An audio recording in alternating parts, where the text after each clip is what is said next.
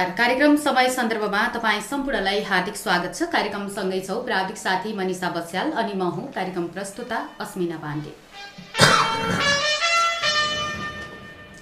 कार्यक्रम समय सन्दर्भ तपाईँले महिला समानताका लागि सञ्चार अभियानद्वारा सञ्चालित महिलाहरूको सामूहिक आवाज सामुदायिक रेडियो मुक्ति पन्चानब्बे थुप्लो पाँचको ध्वनि तरङ्गबाट सुन्दै आइरहनु भएको छ। तपाईँले हामीलाई रेडियो मुक्तिको website W W W dot radio Mukti dot ORG र मोबाइल एप्लिकेसनको हाम्रो पात्रमा रेडियो मुक्ति बुटुवल सर्च गरेर पनि संसारभर एकैसाथ सुनिरहनु भएको छ। सुन्न सक्नुहुन्छ। कार्यक्रम समय सन्दर्भमा हामीले खास गरी समसामयिक विषयवस्तुमा केन्द्रित रहेर छलफल बहस र जानकारी तपाईँहरूको माझमा प्रस्तुत गर्दै आइरहेका छौँ। आजको बसाइमा हामीले देश सङ्घीयतामा गइसके पछाडि स्थानीय तहले गरेका प्रगतिहरूको विषयमा रहेर छलफल गर्न गइरहेका छौँ। बुटोल उपमहानगरपालिकाभित्र उन्नाइसवटा ओडाहरू रहेका छन्। उन्नाइसवटा ओडाहरूमध्ये ओडा नम्बर तिन चुरे क्षेत्र पनि पर्दछ र ओडा नम्बर तिनको अवस्थाको विषयमा रहेर आज हामीले ओडा नम्बर तिनमा रहनुभएका टोल विकास संस्थाका अध्यक्षहरूसँग एउटा छलफल र बहस आजको बसाइमा हामी प्रस्तुत गर्न गइरहेका छौँ। नागरिकहरूले देश सङ्घीयतामा गइसके पछाडि आफ्नो सरकार खास गरी घर घरमा सिंहदरबार भन्ने नाराका साथ नेताहरूले भाषण गर्नुभयो र तिनी नेताहरूले गरेका भाषणहरू नागरिकहरूले कतिको पुरा भएको अनुभूति गर्नुभएको छ वा गर्नुभएको छैन भन्ने समीक्षा गर्ने बेला पनि भइसकेको छ। जनप्रतिनिधिहरू आएको करिब पाँच वर्ष पुरा हुन थालेको छ र सरकारले पनि अब स्थानीय तहको निर्वाचनको मिति घोषणा गरिसकेको अवस्था छ। अब अहिले हेर्दाखेरि पाँच वर्षसम्म देशको र नागरिकहरूको नेताहरूको पनि तल्लो तह तल्लो तहको एउटा बलियो संस्था टोल विकास संस्था। टोलबाट नै सुधारका कार्यक्रमहरू अगाडि जान सके भने त्यो नगर त्यो बस्ती त्यो ओडा बलियो भन्दै देश बलियो भन्ने अभियानमा नेताहरूले यो भाषणका कुराहरू गरिरहँदा टोल विकास संस्थाबाटै के कस्ता समस्याहरू रहेछन् यसलाई कसरी उजागर गर्न सकिन्छ भनेर हामीले यो बहसको कार्यक्रमको अवधारणा अगाडि सारेका हौँ। आजको कार्यक्रममा हामीले बुटोल उपमहानगरपालिका वडा नम्बर तिनमा रहेका तिनवटा टोल विकास संस्था हामीसँग आजको छलफलमा बमघाट टोल विकास संस्थाका अध्यक्ष पदम रिजालजी उपस्थित हुनुहुन्छ। त्यस्तै गरी सिर्जना टोल विकास संस्थाका अध्यक्ष विष्णुमाया खण्डलुक थापाजी हुनुहुन्छ ज्योति सिर्जना टोल विकास संस्थाका अध्यक्ष। त्यस्तै गरी मिलन पथ टोल विकास संस्थाका अध्यक्ष विष्णु प्रसाद श्रेष्ठजी हुनुहुन्छ। यहाँहरू तिनैजनालाई कार्यक्रममा हार्दिक स्वागत छ। तिनैजना आराम हुनुहुन्छ। अब सुरुवातमा चाहिँ म मिलन पथको अवस्थाको बारेबाट कुराकानी सुरु गर्छु। विष्णु सर अब टोल विकास संस्थाको अध्यक्ष भएर यहाँले अहिले काम गरिरहनु भएको छ। अब जनप्रतिनिधि आएको करिब पाँच वर्ष पुरा हुन थालेको अवस्था छ। तपाईँले नेतृत्व गरिरहनु भएको टोलको अवस्था अहिले कस्तो छ?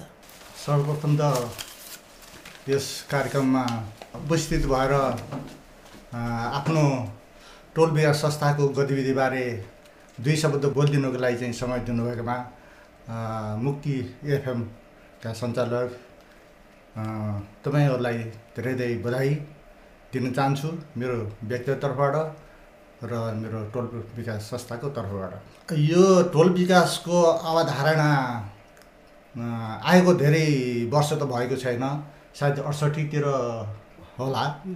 अडसट्ठी सालदेखि हुन त म यस बुटोल उपमहानगरपालिका वडा नम्बर तिन मिलनपथ अथवा चाहिँ गोलपार्क स्थित मिलनपथमा चाहिँ बसोबास गर्न थालेको त म लगभग बाहन्न त्रिपन्न सालदेखि हो।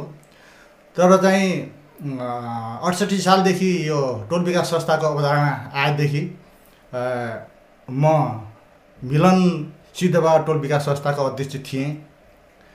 करिब करिब हजुरको चौहत्तर सालसम्म। र त्यसपछि चौहत्तर सालमा आएर के भयो भनेदेखि फेरि हाम्रो तिन नम्बर वडामा चाहिँ बा चौबिसवटा टोल विकास संस्था थियो।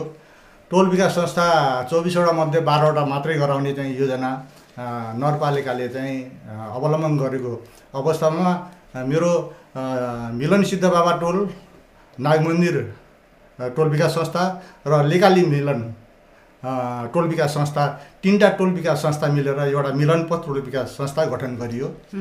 त्यसमा चाहिँ पनि फेरि म फेरि यो टोल अध्यक्ष हुने सौभाग्य मैले प्राप्त गरेँ मेरो टोलवासीहरूले चाहिँ मलाई छनौट गर्नुभयो र मैले सेवा गर्ने मौका पाएँ मेरो टोलवासीहरूलाई धेरै धेरै धन्यवाद दिन चाहन्छु। त्यसपछिका गतिविधिहरू र यो वास्तवमा भन्ने हो भने यो सत्तरी चौहत्तर सालभन्दा अगाडि यो चाहिँ सिलिङ बजेट अथवा चाहिँ वडाको बजेट यसरी टोल टोललाई विभाजन गर्ने चाहिँ ऊ चाहिँ खासै थिएन। टोलबाट के अरे वडाबाट चाहिँ जुन जुन योजना आवश्यक ठानिन्थ्यो त्यही योजना मात्रै कार्यान्वयन गरिन्थ्यो। र कुनै कुनै उसमा चाहिँ त कुनै आर्थिक वर्षमा चाहिँ बजेटै नपरेको अवस्था पनि थियो। तर पछि आएर के भयो भने हजुरको यो सायद चौहत्तरदेखि प्रत्येक टोललाई चाहिँ धेरै थोरै बजेट दिने योजनाको आधारमा अब वार्ड भेला हुनुभन्दा अगाडि चाहिँ आफ्नो योजना पेस गर्नु टोल विकास संस्थाहरूले भनेर चाहिँ हामीलाई उर्जाएर हुन्थ्यो। त्यही अनुसार हामी योजना पेस गरिन्थ्यो। र योजना अनुसार चाहिँ कसैलाई दुई लाख कसैलाई तिन लाख कसैलाई चार लाख यहाँ चाहिँ खासै त्यस्तो ऊ चाहिँ थिएन क्या। त्यो चाहिँ वडाबाट नै निर्धारित गरिन्थ्यो यो टोललाई यति दिने भन्ने कुरा खास योजनालाई त्यस्तो चाहिँ भएन। जम्मा एक लाख दुई लाख तिन लाख भन्दा बढी पर्थेन। तर अहिले पछि आएर दुई वर्ष अगाडिदेखि चाहिँ बराबर सबै टोललाई बराबर चाहिँ विनियोजन गर्ने सिलिङ बजेट बराबर विनियोजन गर्ने भन्ने चाहिँ अवधारणाले गर्दाखेरिमा अहिले साढे तिन लाख रुपियाँ चाहिँ एउटा टोल विकास संस्थाले प्राप्त गरिरहेको अवस्था छ। र यो अवस्थामा चाहिँ जस्तो अब मेरो चौहत्तर पचहत्तरमा चाहिँ दुई लाख परेको थियो भने एउटा चाहिँ अ, कलभरको निर्माण गरियो। फेरि पचहत्तर छिहत्तरमा चाहिँ फेरि दुई लाख विनियोजन भएको थियो मेरो टोललाई त्यसो फेरि छ फुटे बाटो चाहिँ पि- पिसिसी गरि गरियो। त्यसपछि अर्को वर्ष फेरि करिब करिब आठ नौ लाख रुपियाँ परेको थियो नगरपालिका बजेट प्लस गर्दाखेरिमा। तिनवटा चारवटा चाहिँ योजना थियो हाम्रो। आठ नौ लाख रुपियाँ योजना हामीले सम्पन्न गरियो। त्योभन्दा अगाडि यो संसद विकास कोषबाट चाहिँ दस लाख रुपियाँ चाहिँ पनि आएको थियो हाम्रो टोल विकास संस्थालाई त्यसमा चाहिँ म सचिव भएर म काम गरेँ। र त्यो दस लाखको विनियोजन भएको रकमलाई हामीले एकदम टोलवासीहरूको सहयोगले एकदम सफलता साथ हामी सम्पन्न गरियो। त्यसपछिको ऊ चाहिँ यसरी चाहिँ विनियोजित हुँदै सानो तिना चाहिँ विकास कार्यहरू भइराखेको छ टोल विकास संस्थामा। र अहिले आएर यो अठहत्तर साल भाद्र तेह्र र चौध गति गएको यो ज्योतिनगर पहिरोले त सबभन्दा बढी चाहिँ त अब मिलनपथ र ज्योति सिर्जना पथलाई क्षति पुर्याएको अवस्था छ। किनभने योभन्दा माथिको चाहिँ चुरे पाहाड चाहिँ पुरै झरेको अवस्था छ। करिब एक किलोमिटरको रेसियोमा बाटो खने जस्तोरी चाहिँ झरेको छ। खनिएको अवस्था जस्तो झरेको पहिरोहरूले अहिले छेद विच्छेद बनायो। मेरो घरमा मेरो टोलमा त करिब करिब हजुरको नौ घर त पूर्ण विस्थापित भए अथवा पूर्ण चाहिँ क्षति नै भए नाम निशानै रहेन।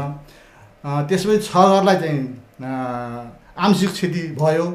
अब जस्तो दुई तला तिन तला ढाई तला छ भने तल्लो तला चाहिँ पूर्ण माटो ढुङ्गाले भरिएर कसैको गाह्रो सबै चाहिँ बगेको अवस्था थियो पिलरले मात्रै घर धानिएको अवस्था थियो। त्यस्तो अवस्थामा चाहिँ बिचरा जनताहरूले चाहिँ आफै सफा गरे। त्यो सफा गर्नको लागि पनि सरकारले कुनै चाहिँ सहयोग गरेन। बिचरा आफै कसैले चालिस हजार कसैले पचास हजार दिएर चाहिँ त्यही बेलामा लेबर नपाएको अवस्था थियो जति पनि उति लेबरलाई दिन पर्ने अवस्था थियो। त्यस्तो अवस्थामा पनि जनताहरूले चाहिँ आफै सफा गर्यो आफ्नो घरहरू अनि बस्न हुनेसम्मको चाहिँ बस्नु हुने लायकको बनाएर अहिले बसिराखेको छ। अब पूर्ण क्षति हुने त क्षति भइहाल्यो उनीहरू त बिचरा अब भाडामा बसेका छन् कोही आफन्तामा गएर बसेका छन् त्यस्तो अवस्था छ। भनेदेखि यस्तो अवस्थामा पनि न त चाहिँ वडाले चाहिँ कुनै यहाँ चाहिँ पारदर्शी हिसाबले काम गर्न सक्यो। न त नगरपालिका। नगरपालिका गरेन भने हुन त अब मेरो टोलमा साठी लाख रुपियाँ चाहिँ लगानी गरिदियो त्यो माटो चाहिँ ढुङ्गा उठाउनको लागि। त्यो लगेर क्याम्पसको चौरमा डम्पिङ गरेर राखेको छ। तर पनि त्यतिले मात्रै भएछन् अझै पनि त्यहाँ चाहिँ सफा गर्नुपर्ने कुराहरू धेरै छन्। संरचनाहरू सफा सफा गर्नुपर्ने छ। नाली कुलो बनाउनु पर्ने छ पुरै छेद विच्छेद भएको अवस्था छ। अब बर्खा लाउनु लागिसक्यो मात्र अब दुई महिना बाँकी छ। यस्तो अवस्थामा चाहिँ चुरे उसबाट चाहिँ बजेट एक करोड पोहोरको बासी बजेट चाहिँ एक करोड पन्ध्र लाखमा हाम्रो चाहिँ टोलले टोल एरियामा कामलाई पचास लाख प्राप्त गरेको छ। त्यो काम पनि भइरहेको छ जुन ग्याबिङमा ल लगाउँदैछ। त्यसपछि अहिले पछि आएर फेरि जिल्ला विकासबाट अझै प्रदेश सरकारले चाहिँ पन्ध्र लाख दिएको मध्येबाट साढे सात साढे सात यो ज्योति सिर्जना टोल टोल र हाम्रो मिलन पथलाई आधा आधा गरिएको थियो। त्यसमा चाहिँ साढे सात भयो साढे सातमा चाहिँ पाँच लाख अरू नगरपालिका थप गरेर अहिले साढे बाह्र लाख बाह्र लाख समथिङको चाहिँ काम हुने हुँदैछ। त्यसमा पनि फेरि जनताहरू विवाद गरिरहेको अव- अवस्था हेर्दा पनि त्यो सुचारू हुन सकेको छैन।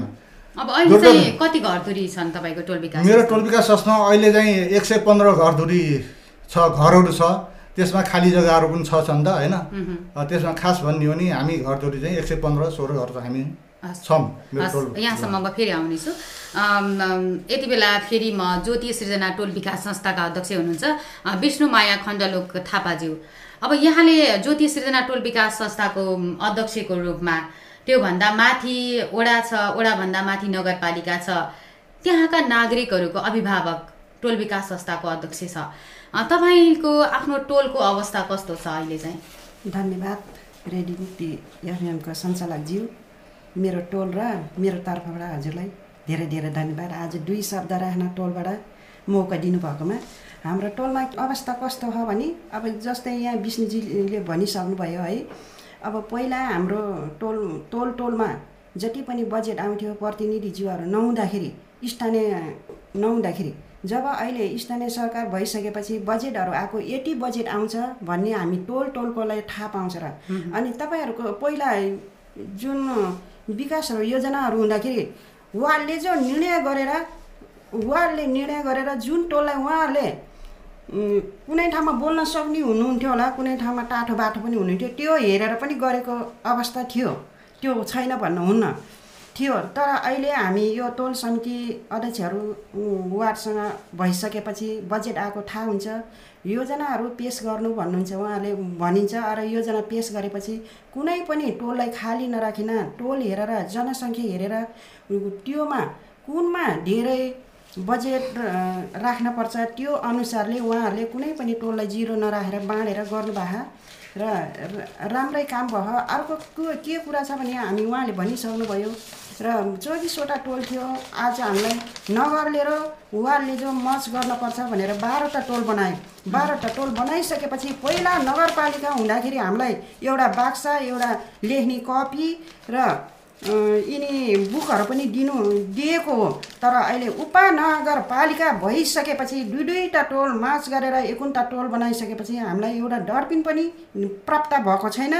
केही पनि प्राप्त भएको छैन र मर्च गरेर पहिला पहिला टोल हुँदाखेरि हामीले यिनी दर्ता भएको टोल संस्था पनि थियो तर हामीलाई अहिले मर्च गरिसकेपछि टोल दर्ता गरेको हामीलाई टोल दर्ता पनि दिनु भएको छैन उहाँहरूले के गर्नुपर्छ भने यति टोल दर्ता गरिसकेपछि वा नगरले हो नि हामीलाई टोल टोल मच गरेको हो भने यति हामीलाई टोल दर्ता भएको यो एकुन्टा परिचय प्रमाणपत्र दिनपर्छ किनभने हामीलाई काम गर्न पनि गाह्रो हुन्छ। टोल दर्ता भयो कि भएन भने अर्को कुरा यो नगर जस्तै स्थानीय विकास आइ आइसकेपछि प्रतिनिधि आइसकेपछि हामीले पनि दुःख गरेर सबैलाई भनेर भोट दिए भोट हालेरै हामीले प्रतिनिधि बनाएको हो।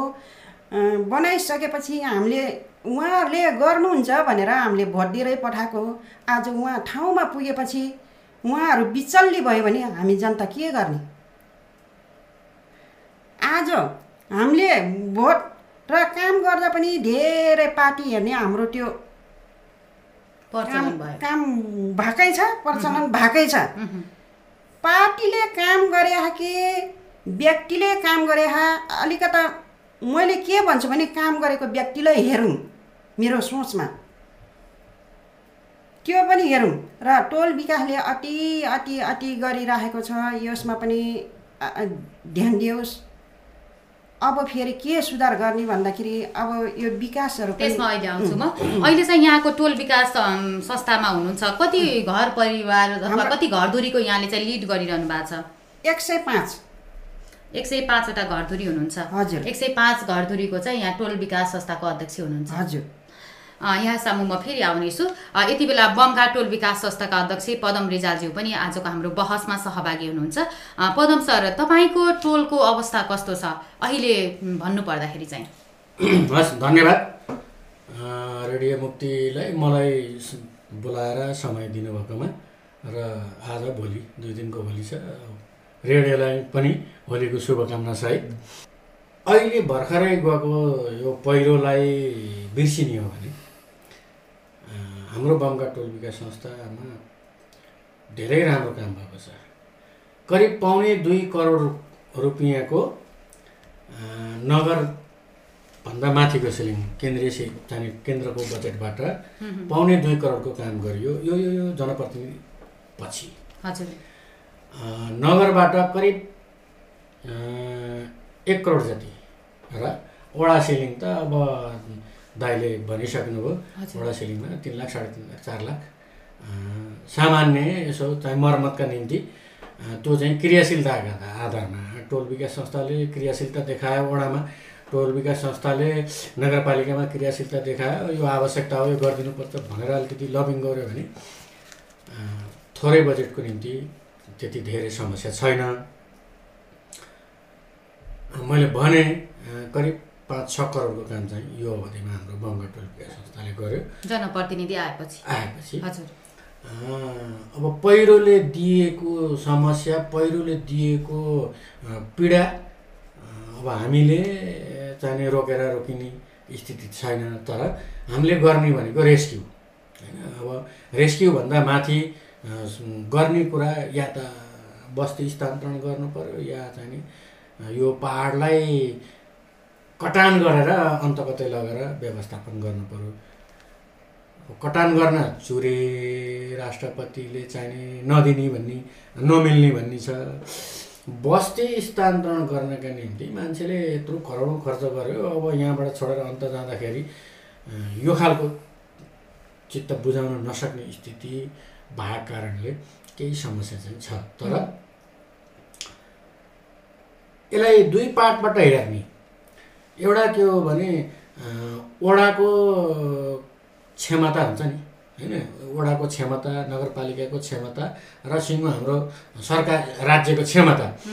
हाम्रो चाहना के छ? क्षमताभन्दा माथि छ हाई छ होइन? हामीले सबै चिज अहिले गरिदिन पाए हुन्थ्यो यति धेरै विकास भइदिए हुन्थ्यो भन्ने त छ हाम्रो मनमा।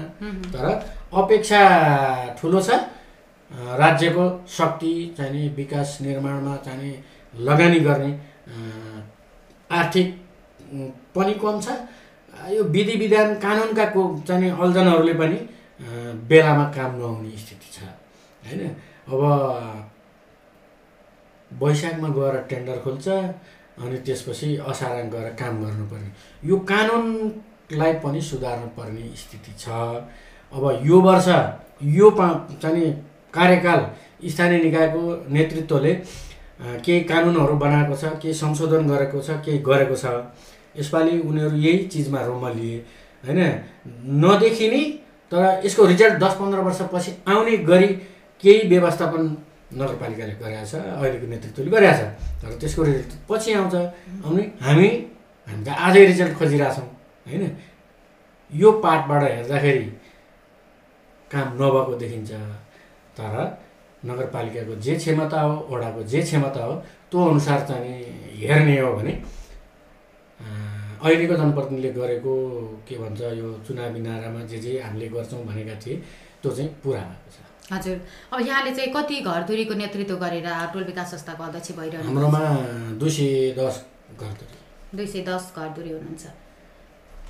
विष्णु सर अब अहिलेसम्म भएका चुरेलाई हामीले अहिले चाहिँ एकातिर राखेका छौँ। यो चुरे स्थानीय तह प्रदेश सरकार सङ्घीय सरकारसित जोडिएको विषय हो। स्थानीय तहले मात्रैको बजेटले पनि यसलाई छेकबार गर्न नसकिने अवस्था छ। त्यसमा चाहिँ कानुनी प्रावधानहरूका जटिलता पनि देखिएका छन् भनेर विभिन्न बहसको विषयहरू र चुरेकै अध्ययनका क्रममा निस्केका विषयहरू पनि हुन्। यसलाई थाती राखौँ एकैछिनको लागि। यसलाई थाती राखेर अब टोलमा हेर्दाखेरि अब तपाईँ एउटा अभिभावक सामु त्यहाँका टोल विकास संस्थाभित्र रहेका त्यहाँका यहाँले प्रतिनिधित्व गरिरहनुभएका एक सय पन्ध्र घरधुरीभित्रका नागरिकहरूले अब चाहिँ के के माग गर्नु भएको छ अब सुधार गर्नुपर्ने विषयहरू त्यहाँ के के छन्? अब विशेष गरी यो हाम्रो टोल विकास संस्था चाहिँ गत महिना अथवा भ- भाउदोमा गएको पहिरोले छेद विच्छेद पारेको एरिया पर्दछ।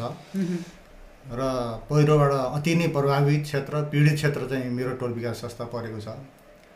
मैले भनिसकेँ नौघर परिवार त पूर्ण विस्थापित अथवा चाहिँ घर नष्ट भएर चाहिँ अन्धघर बसेको अवस्था छ। र चाहिँ बाँकी चाहिँ अरू चाहिँ छ सात घर अब आंशिक क्षति भएर चाहिँ त्यसलाई सुधार गरेर अथवा मर्मत गरेर बसिरहेको अवस्था छ। अ, भित्र ती चाहिँ विस्थापित भएर घर जग्गा छोडेर अन्धघर बसेकाहरूलाई चाहिँ घरको आवश्यकता छँदैछ। उनीहरूले चाहिँ अब घर बनाएर बस्नलाई चाहिँ आफ्नो जग्गा पहिरोले बिचेर ढुङ्गा र माटोले भरिएर बसेको छ। अर्को जग्गा उनीहरूसँग छैन। भने उनले घर कहाँ गएर बनाउने त? एउटा मेन समस्या चाहिँ यो छ यहाँनिर। र सरकारले पनि कमसे कम यसरी चाहिँ घर पूर्ण पूर्ण रूपमा क्षति हुनेलाई सरकारले केही राहत गरेर अथवा अर्को ठाउँमा चाहिँ जग्गा वितरण दिए गरेर अथवा त्यो पुरिएको जग्गालाई चाहिँ सरकारले चाहिँ पुरा खिचेर एउटा व्यवस्था गरिदिए पनि उनीहरू चाहिँ खुसी राजी छन्। होइन? किनभने उनी घरबार विहीन भएको अवस्था छ। र सरकारले भन्नाले अब ओडाल पनि के गर्न सकेको छैन नगरपालिकाले पनि के गर्न सकेको छन् तिनीहरूको लागि।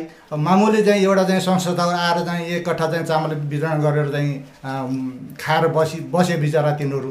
तर चाहिँ सम्बन्धी निकाले कसैले पनि केही चासो दिएको छैन यहाँनिर उहुँ, र मेन कुरो चाहिँ म के भन्न चाहन्छु विशेष गरी यिनीहरूको व्यवस्था सबभन्दा पहिला होस्। भोलि पहिरोले क्षति गर्ने उ त अवस्था त छँदैछ।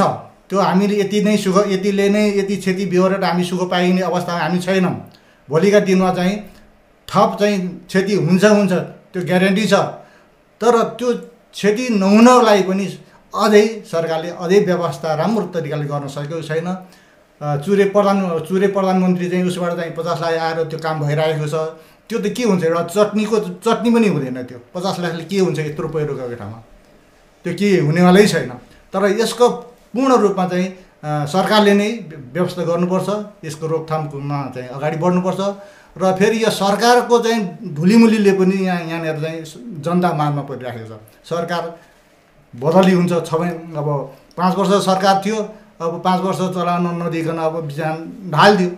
अब बजेट निकास त भएको थियो। योजना तर्जुमा भएको योजनाहरू पनि कति पैँतिस चालिस हजार ठुल्ठुलो योजनाहरू कट कटान गरिदियो सरकार यो सरकारले। पहिलाको एमाले सरकारले चाहिँ राखेर ल्याएको चाहिँ योजनाहरू सबै कटौती गरिदियो। अब यसरी प्रतिशतको भावनाले चाहिँ सरकारले पनि यसरी जनतामाथि चाहिँ थिचोमिचो गरेको अवस्था यहाँ छ। तर चाहिँ यो पहिरोको लागि व्यवस्थापन गर्नलाई सानोतिनो बजेटले हुनेवाला छैन। र यतिकै समाधान हुनेवाला पनि छैन। यो सूर्य पहाडलाई कम्तीमा चाहिँ अहिले सर्वे गर्यो भने सक्नुहोस् आधा चाहिँ डाँडा काटेर चाहिँ फालिदियो भने बरु यो पहिरो चाहिँ रोकिन सक्छ भन्ने चाहिँ धेरै विज्ञहरूको पनि यो राय सुझाव आइराखेको अवस्थामा सरकारले तुरुन्तै कसरी हुन्छ यसलाई? रोकथाम यो पहिरो रोकथामलाई तुरुन्त चाहिँ यसको पहल गर्न अति आवश्यक छ। अब नयाँ सरकार आउनेवाला छ। अब नयाँ सरकार आउनेवाला अब चाहिँ प्रतिनिधि सभाको चाहिँ निर्वाचन हुनेवालामा चाहिँ यहाँ चाहिँ हाम्रालाई भन्दा राम्रालाई चाहिँ बढी प्राथमिकता दिएर चाहिँ हामीले चाहिँ जनप्रतिनिधि चुन्न सकियो भने अवश्य पनि केही न केही रात मिल्ला भन्ने मैले आशा लिएको छु। र यो हुन त हामी जनताले भनेर मात्रै नहुने छ केन्द्रका ज नेताहरूले चाहिँ जनताले चाहेको व्यक्तिलाई नदिने अवस्था पनि हुन्छ। टिकट नदिने अवस्था पनि यहाँ विद्यमान छ। तर यस्तो नहोस्। जनताले चाहेको व्यक्ति जनताको सेवा र मर्कालाई बुझ्ने व्यक्तिलाई चाहिँ नेतागणले पनि अ, छानेर चुनेर जानेर चाहिँ टिकट वितरण गरोस्। यो मेरो हजुर। र जनताको तर्फबाट म चाहिँ निवेदन गर्न चाहन्छु। हजुर। अब यहाँको वडामा चाहिँ शिक्षा स्वास्थ्यको अवस्था खानेपानीको अवस्था कस्तो शिक्षा स्वास्थ्य भने हाम्रो अब हाम्रो एरिया भनेको सुकुम्बासी एरिया हो। सबभन्दा पहिला त्यो पुरै सिक्किमको सुकुम्बासी एरिया थियो। गत बाहन्न सालमा चाहिँ आएको पहिरोले नि पचपन्न घर बगाएर लग्यो पुरै सुकुम्बासी एरिया नै थियो त्यो। त्यतिखेर अब खर्का झुब्राहरू मात्रै थिए त्यतिखेर बरु। अहिले ती खर्का झुब्राहरू सबै पचपन्न सालमा पुरिएर अहिले आएर चाहिँ फेरि त्यो त्यो जग्गावालालाई अन्त चाहिँ जग्गा दिएर दिएका हुन् तर लिएको जग्गा बेचेर त्यही पहिरोले चाहिँ पुरेको ठाउँमा फेरि घर बनाएर बसे। फेरि त्यो बसेका घरहरूलाई पनि अहिले फेरि पहिरोले फेरि लै लैरहेको अवस्था छ। भने त्यसै पनि एउटा भौगोलिक हिसाबले पनि अति नै विपन्न चाहिँ अब परिवार बस्ने इलाका हो त्यो। किनभने जहाँ सुकुम्बासी बढी हुन्छ त्यहाँ चाहिँ विपन्नवाला हुन्छ नै भन्न त हुन्न भन्न त सकिँदैन त्यस्तै व्यक्ति बस्ने हो सुकुम्बासीवाला भनेपछि अब शिक्षा त्यस्तै हिसाबले हुन्छ। तर अहिले चाहिँ सुकुम्बासी त प्रायः चाहिँ सबै बुढा निस्किसकेको अवस्था छ। र शिक्षा क्षेत्रमा पनि त्यति चाहिँ मेरो एरियामा हजुर। त्यति चाहिँ अब निम्नस्त त छैन होइन? जो खाना पु साँझ बिहान चाहिँ काम गरेर खानु पुर्याउने अवस्थाका चाहिँ छन् छन् त। त्यसरी अब साह्रै नै नाजुक त कोही पनि छैन शिक्षा क्षेत्रमा। र बाँकी खानेपानी चाहिँ त अब खानेपानीको चाहिँ पाइप चाहिँ सबै मेरो टोल विकास संस्था पुरैमा चाहिँ सप्लाई हुँदैन। किनभने अलि मासतिर उकालो पर्छ खाने पाइपबाट पानी जाँदैन। अलि मासतिर चाहिँ अलि पहिरो साइडतिर। त्यो पहिरो साइडको चाहिँ अ, मेरो जनताहरूले चाहिँ यो जो दिनहरूको चाहिँ खानेपानीबाट खाने पानी खाइरहेको थियो। यो पहिरोले गर्दा त्यो पाइपहरू लथालिङ्ग पारिदियो। के एक महिनासम्म त खाना पानी नै अब बिचराहरू ओसारेर खानुपर्ने अवस्था थियो। पछि चाहिँ यो ज्योतिनगर खानेपानी उसबाट चाहिँ पानी पाइप लगाएर अहिले खाएको अवस्था छ। तर चाहिँ पूर्ण रूपमा चाहिँ ऊ छैन त्यहाँ। उपभोक्ताहरूले चाहिँ उम्, त्यसको उपयोग गर्न पाएको अवस्था छैन राम्रो पानी खान पाएको अवस्था छैन। त्यहाँ मेन रूपमा यो चाहिँ पहिरो व्यवस्था हुने साथ पहिरो जुन बाटो छ रिङको बाटो छ त्यो बाटो पनि छेदविच्छेद छ। त्यसको छेउमा चाहिँ खानेपानीको पाइपहरू थियो। पानी पाइपहरू छेदविच्छेद छ। तर चाहिँ जनताले राम्रोसँग पानी खान पाएको अवस्था छैन। र बाँकी चाहिँ त्यसको लागि सरकारले चाहिँ केही पहल चाहिँ गरिदिनको लागि चाहिँ म टेलिभिजनबाट चाहिँ म आग्रह गर्न चाहन्छु। हजुर। विष्णुमाया खण्डलुक थापाज्यू ज्योति सृजना टोल विकास संस्थामा चाहिँ त्यहाँ तपाईँहरूको टोलमा अब शिक्षाको पहुँचबाट बाहिर। अहिले त कुनै पनि नागरिक कुनै पनि बालबालिकाहरूलाई शिक्षाको पहुँचसम्म पुर्याउनु पर्ने कोही उमेर पुगेका बालबालिकाहरू घरमा बसेर उनीहरू चाहिँ आफ्नो शिक्षा पाउने अधिकारबाट वञ्चित नहुन् भन्ने अभियानहरू पनि सरकारले पनि अगाडि सारेको छ। नगरले पनि अहिले शिक्षामा एकरूपताको रूप अगाडि बढाइरहेको अवस्था छ। शिक्षा स्वास्थ्य यहाँ महिला पनि हुनुहुन्छ। महिलाहरूको स्वास्थ्यको अवस्था खानेपानीको त्यो तपाईँको टोलको अवस्था कस्तो छ? तपाईँ सन्तुष्ट हुनुहुन्छ? सन्तुष्ट त पानीको लागि त छैन अब माथिको जुन अहिले बोर्डिङ गाड्यो नि। हाम्रो ज्योति सिर्जनाको टोलमा त्यो क्याम्पसको आडैमा हाम्रो घरको आडैमा पानी गाडिया त्यसलाई पहिला बिस पच्चिस हजार भन्नुभएको थियो भनेको थियो धारा राख्दाखेरि अहिले के भयो भने दस हजारमा पुगेको। त्यो धारा पनि राखेको छैन माथि माथिकाले राखेको छ तलकोले राखेको छैन अर्को यो जुन सरकारी धारा थियो नि त्यो धारा पनि पानी आउँदाखेरि राम्रो हुन्न हामीलाई। पानी सानो आँखा पहिला पानी आउँथ्यो अहिले अहिले पानी घर धेरै भएको भएर जनसङ्ख्या धेरै भएको भएर अहिले पानी कम छ। त्यो पानी जस्तो खोलामा आउँछ त्यस्तै हो ढमिलो। आकाशको पानी आयो धाराको पानी खान पान्न धाराको पानी आयो आयो भने आकाशको पानी नआउनु पर्छ। जस्तोको तस्तै हो त्यो पानीको पनि व्यवस्था गरिदियोस् खाने पानीले यहीँबाट यही यही रेडियोबाटै मैले निवेदन गरेँ र स्वास्थ्यमा चाहिँ अब स्वास्थ्य चौकी पनि स्वास्थ्य- नजिकै छ। हजुर स्वास्थ्य चौकी नजिकै छ हाम्रै वार्डमा छ।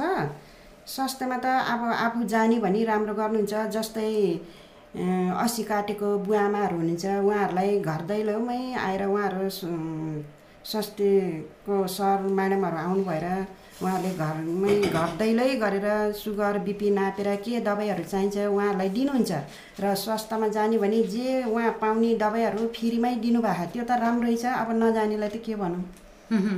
अब शिक्षा स्वास्थ्य स्वयंसेविका पनि हुनुहुन्छ पूर्व स्वास्थ्य स्वयंसेविका हुनुहुन्छ। अहिले पनि स्वास्थ्य स्वयंसेविका काम गर्दै हुनुहुन्छ? हजुर। अब त्यहाँ स्वास्थ्य स्वयंसेविकाको भूमिका आफ्नो ठाउँमा छ। अब शिक्षालाई हेर्दाखेरि टोल विकास संस्थाको नेतृत्व गर्दाखेरि चाहिँ कोही कुनै विपन्न वर्गको होस् अथवा कसैले मजदुरी ज्याला मजदुरी गरेर छोराछोरी पढाउन सकिन भन्ने तरिकाले पनि घरमै बालबच्चाहरू रहने खालको त्यस्तो वर्गका मानिसहरू कोही हुनुहुन्छ कि हुनुहुन्न हुनुहुन्छ भने केही पहलहरू गर्नु भएको छ कि नै? त्यस्तो पढाउनै नसक्ने त हाम्रो घरधुरीमा कोही पनि हुनुहुन्छ हुनुहुन्न। र हाम्रो टोलमा त एकजना पनि दलित हुनुहुन्न अहिलेसम्म। र त्यस्तो पढाउनै नसक्ने कोही पनि हुनुहुन्न हाम्रो टोलमा। हजुर। अब तपाईँ टोल विकास संस्थाको अध्यक्ष भएर काम गरिरहँदाखेरि कुनै दिन चाहिँ महिला अध्यक्ष भएकै कारणले चाहिँ यो यो समस्या भयो? मलाई चाहिँ विभिन्न योजनाहरूको कामहरूमा अथवा कुनै छिटो प्रतिस्पर्धा गरेर पुरुषहरू पुग्ने ठाउँमा नपुग्ने क्रममा तपाईँलाई कहीँ चाहिँ म महिला भएकै कारणले चाहिँ म योबाट पछि परेकी हुँ कि भन्ने खालको त्यो अनुभूति काम गर्ने दौरानमा भएको छ कुनै दिन? यस्तो हजुरले यो कुरा सोध्नुभयो मलाई अति मनमा लाग्यो। के भने मेरो हाम्रो वार्डमा बाह्रवटा टोलमा म मात्रै एउटा महिला हो। हजुर। टोलको अध्यक्ष। मेरो यहाँ एउटा कुराले भाइहरू भनौँ न एउटा कुराले टोलको अध्यक्षले साथी पनि भनौँ। हजुर। ती एघारवटै टोल संस्थाले म महिला भएको कारणले सुरुमा जुन टोल टोललाई पुरस्कार दिने भन्ने कुरामा यहाँहरू सहमति भएर यहाँहरूले चाहिँ होइन महिला भएको टोललाई दिउँ भनेर यहाँहरूकै सल्लाहले मलाई एघारवटा टोलको सल्लाह र वार्डको नगरको सल्लाहले यहाँहरूले मेरो टोललाई पुरस्कार दिनुभयो। यहाँहरूलाई पनि धन्यवाद। म नगर र वार्डको प्रतिनिधि लगायत कर्मचारी र मेरो टोल संस्थालाई को साथीहरूलाई धेरै धेरै धन्यवाद। हजुर। अरू त्यस्तो कुनै समस्या? समस्या त आफूलाई पर्छ है। उहाँहरूले त केही भन्नुभएको छैन है। म पनि टोलमा अध्यक्ष गरेको धेरै भयो। मेरो सावित्र दिज्यू ए, सावित्र आर्यल दिदी यहीँको अध्यक्ष पनि हुनुहुन्थ्यो पहिला है। सायद म अध्यक्ष पाएको नै सावित्र दिदी हुनुभएको कारणले। जुन सावित्र दिदी पहिला पारमा पढाउनुहुन्थ्यो सर म्याडम उहाँहरूको घरको विगत ठाउँको मान्छे म हुँ। मेरो आमा भनौँ कि गार्जेन भनौँ कि यो ठाउँमा पुर्याउने मेरो सावित्र दिदी हुनुहुन्छ उहाँलाई म यहीँबाट फेरि पनि धन्यवाद दिन चाहन्छु। किनभने मेरो टोलमा सायद नजान्ने म मात्रै छु होला के? किनभने यस्तो नजान्नेलाई अगाडि लानुपर्छ है। जान्ने त जान्ने हुनुहुन्छ नजान्नेलाई अगाडि लानुपर्छ भनेर म जस्तै ज्योति टोल मात्रै हुँदा पनि मलाई अध्यक्ष राख्नुभयो। होइन मच भएर पनि फेरि बस्नुपर्छ विष्णु। सिक्नुपर्छ है भनेर उहाँले राख्नु भएको उहाँलाई धेरै धेरै धन्यवाद। मेरो टोलको साथीहरूले मलाई अध्यक्ष गराउनु भएकोमा म एउटा अध्यक्षको नाम मात्रै हो। धेरै सहयोग गर्नेहरू हो मेरो टोल संस्थाको बासिन्दा सबैजना र उम्, सल्लाहकारज्यूहरू र सबै सदस्यहरू ज्यू र मेरो कार्य समितिले मलाई गर्दा नै म चल्न सकेको हो। उहाँहरूको सहयोग सधैँभरि म आशा गर्दै उहाँहरूले नै मलाई लानुहुने हो। र। टोल संस्थामा विकास भन्दाखेरि पचासौँ वर्षसम्म मुद्दा लडेको एउटा बाटो थियो हेर्नुहोस्। लोकबहादुर छेत्री र अनिल श्रेष्ठको घरमा। त्यो बाटो कति कति सरकार फेरियो योभन्दा पनि अगाडि केही हुन केही हुन सकेन। त्यो पचास वर्ष नबनेको बाटो अहिले यो स्थानीय सरकार आइसकेपछि त्यो बाटो बन्यो। अर्को क्याम्पस एउटा कुराले हाम्रो टोल खोलाको ढिगमा भए पनि एउटा भाग्यमानी नै भन्छु किनभने बहुमुखी क्याम्पस हामीसँग जोडिएको हाम्रो वार्ड पनि पर्छ। क्याम्पसको पुल राख्दा पनि साढे सात लाख राखेर हामीले यो कालपटको पुल राख्यौँ। त्यसमा पनि हाम्रै टोल उपभोक्ता समिति भएर म त्यसमा कोषाध्यक्ष थिएँ र कोषाध्यक्षको भूमिका निर्वाह गरेँ र अध्यक्ष हाम्रो नवीन सारू हुनुहुन्छ र सचिव हाम्रो नारायण राणाभातज्यू हुनुहुन्छ। र अर्को फेरि विकास भन्न पर्दाखेरि हाम्रै बाटो अगाडि दस लाख पर्यो। दस लाखमा पनि फेरि दस लाख तानेर बिस लाखको कालो पत्री भयो। अर्को फेरि ना खोलाको जुन यो चार नम्बर खोला चार नम्बरको पानी र यो तिन नम्बरको पानी सबै जाने यो पहिरोको जति पानी जाने ज्योति सिर्जना टोलमै पर्छ यता क्याम्पस पऱ्यो यता। त्यसमा पनि अति ऊ छ त्यसमा पनि अति हामी अति अति अति नै पीडित छौँ। यता क्याम्पस छ यता हामीले डोजार लाउँदा पनि अति दुःख पायौँ। माटो फालौँ भन्दा क्याम्पसले ए यता दिनुहुन्न तपाईँहरूको माटो उठाएर उतै जहाँ लानु लानु व्यवस्थापन गर्नु भन्नुभयो। अब यतातिर पनि कता राख्नु ठाउँ छैन पानी पस्यो। अब यसलाई चाहिँ नि वाल उठाउन पनि विवाद आइरहेको छ। यता वाल उठाउन सबैले आफ्नो घरको सेपकोलाई वाल उठाउन त पाउनु पऱ्यो म्याडम। खोलाको ढिकमा छ त्यो उठाउँदा पनि क्याम्पसले रोक्ने यता रोक्ने उता रोक्ने। यो कुरा यो आजै मैले यही रे मुक्ति रेडियो एफएमबाटै निवेदन गरेँ कि वार्ड नगर भएर यति यति एरिया खोलाको यति क्याम्पसको यति हाम्रो टोल संस्थाको जनताको मेरो टोलको मात्रै होइन माथिदेखि पुछारसम्म। यति यति आफ्नो जुन टोलको जुन व्यक्तिको जग्गा यति र यति क्याम्पसको यति खोलाको भनेर यति छुट्याएर नगरपालिकाको इन्जिनियर सर हाम्रो नगरपालिका र स्थानीय सरकार नगर हाम्रो न उप बुटोल उपमहानगरपालिकाको सरहरूले यति ख्याल गर्नु दिनुहोस् कि यति छुट्याएर तुरुन्तै सक्नुहुन्छ भने चुनावकै अगाडि एउटालाई मात्रै छुट्यायो भने त विवाद पर्छ सबैलाई खोलाको नक्सा गरेर यति गरिदिनु भयो भने योभन्दा राम्रो केही छैन। किनभने टोल बासिन्दालाई आफू आफूमा ए यसले यस्तो गर्यो यसले यस्तो गर्यो पक्षपात भन्दा पनि सबैलाई राम्रो हुन्छ मेरो टोलकोलाई मात्रै होइन। खोलाको जुन पनि ठोला खोल्सी जुन पनि पर्या बाटोमा पर्नेलाई यहाँहरूले छुट्याएर सिमाना लगाइदियो। यही एउटा कुरा गर्छु। सुझाव दिनुहुन्छ। हजुर सुझाव। पदम सर अब पदम सर यहाँले दुई सय दस घरधुरीको नेतृत्व गरिरहँदाखेरि तपाईँको आफ्नो टोलको अवस्था अब धेरै कुराहरू आए। अब कुराहरू सुन्दाखेरि भौतिक विकासलाई अलिकति महत्त्व नेताहरूले पनि भौतिक विकासलाई नै महत्त्व दिनुहुन्छ। अब हामी सा सानो लेभलबाट कुरा गर्दै माथि बढ्दा पनि हामीले बाटाहरू चिल्ला भयो भने मात्रै विकास भयो ओहो भन्ने मात्रै सोचेका छौँ। त्यहाँभित्र मानवीय विकासको त हामीले कुरै गर्न भ्याएका छैनौँ। मानवीय विकासको अवस्था तपाईँको टोलमा। तपाईँले मानवीय विकासलाई कतिको प्राथमिकतामा राख्नु भएको छ र यिनी मानिसका आधारभूत अधिकार शिक्षा स्वास्थ्य खानेपानीको अधिकार यसको अवस्था कस्तो छ तपाईँको टोल संस्थामा यस्तो छ अब खानेपानीको हकमा हाम्रो टोलमा सामुदायिक खानेपानी छ। बमघाट खानेपानी संस्था यो चाहिँ यहाँबाट टङ्कीदेखि ढाई किलोमिटर माथि जङ्गलको पानी हामीले व्यवस्था गरेका छौँ। अनि खानेपानीको पनि धारा जोडिएको छ। अब अहिले भर्खरै चौन्न घरले जोड्दैछन्। त्यसको व्यवस्थापन भइरहेछ पानीको हकमा। अब बाटाहरू करिब करिब सबै बनेका छन् तर उद्रेको बिग्रेकोलाई बनाउन चाहिँ नि बिस्तारै बन्दै जान्छ। शिक्षाको हकमा चाहिँ नि अब कस्तो हो भने सामुदायिक शिक्षा पनि लिन सकिनँ मैले भन्ने लाइनमा त्यस्तो भएको छैन। यदि भयो भने हामीले त्यसको व्यवस्थापन गर्न सक्छौँ। अब दुःख जिलो जेसुकै गरौँ अब बोर्डिङमा पढाएका छन्। शिक्षामा पनि त्यति यो बालबच्चा पिछडियो भन्ने स्थिति छैन। अब स्वास्थ्यको हिसाबले सबभन्दा नजिक हाम्रो त्यहाँ चाहिँ वडा पर्छ होइन बमघाट र वडा नजिकै पर्छ। स्वास्थ्यमा पनि अब उहाँहरू जस्तै स्वयंसेवीहरू सधैँ घर घर डुल्नुहुन्छ। अब नारीहरूको समस्याको बारेमा वृद्धहरूको समस्याको बारेमा करिब उजागर भयो भने समस्या हुने लाइनमा छ। अर्को हाम्रो हाम्रो बङ्गाल टोल विकास संस्थामा कस्तो छ भने मासिक सय रुपियाँ उठाउँछौँ। आधा प्रति व्यक्ति जो जो सुरुदेखि सदस्य हुनुभयो बचत सदस्य उहाँहरूको त्रिसठी हजार छ। बचत भएको छ। वर्षैपछि हामीले छ हजार दसैँमा फिर्ता गरिदिन्छौँ त्यहाँ पचासै हजार रहोस् भन्ने हिसाबले। पेसा व्यवसाय गर्छु भन्नेलाई दुई लाख।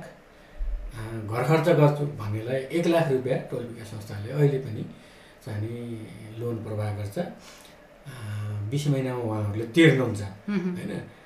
दुई लाख लानेले त दस हजार पर्छ। एक लाख लैजानेले पाँच हजार।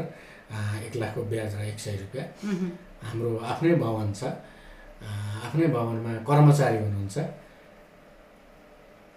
आर्थिक हिसाबले अब ठुलो कुरा त किन गर्नु होइन? दुई लाख रुपियाँसम्म हामीले लगानी गरेर मान्छेको आय स्तरलाई जोड्नुपर्छ भन्ने हिसाबले चाहिँ जोडेका छौँ। यो मानवीय चेतनाको हिसाबले होइन? चेतनाको हिसाबले कहिले डोनेसन गर्ने कहिले के गर्ने कहिले बसेर एक किसिमको छलफल गर्ने चाहिँ हाम्रो टोलमा छ। अलिकति पब्लिकलाई चित्त बुझाउन चाहिँ गाह्रो कहाँतिर रहेछ भने यो अब सरकारको कुरा हो होइन स्थानीय निकायको कुरा।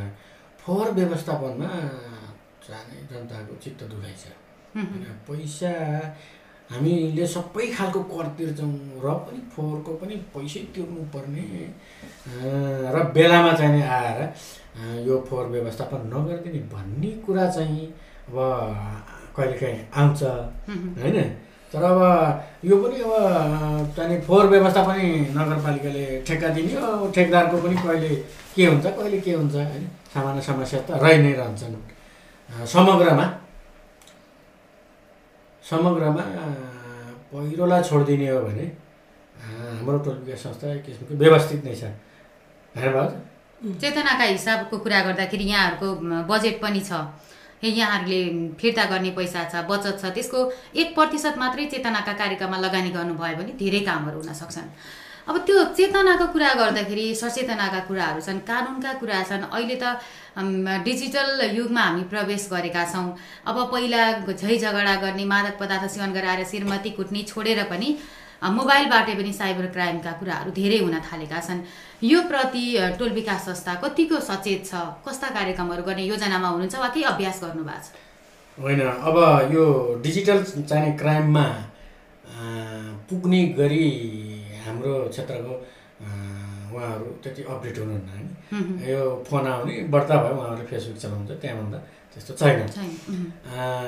हाम्रो बाहन्न सालमा बाहन्न सालभन्दा अघि बस्ती बसेर सुकुम्बासी बस्ती बसेर बाहन्न सालमा लाल पूर्जा लिएको हो। त्यस कारण बा आमाको स्तर जस्तो मेरो स्तर होइन म म त कम पढेको मान्छे हो। मेरो बच्चा बच्ची त पढेँ। होइन? बच्चा बच्ची घर छैनन् सबै कोही कता कोही कता छन्। होइन? मेरो पचास साठी वर्षको उमेरको मान्छेहरूलाई मोबाइलबाट साइबर क्राइम गर्ने प्रविधिसम्म पुग्नु भएको छैन।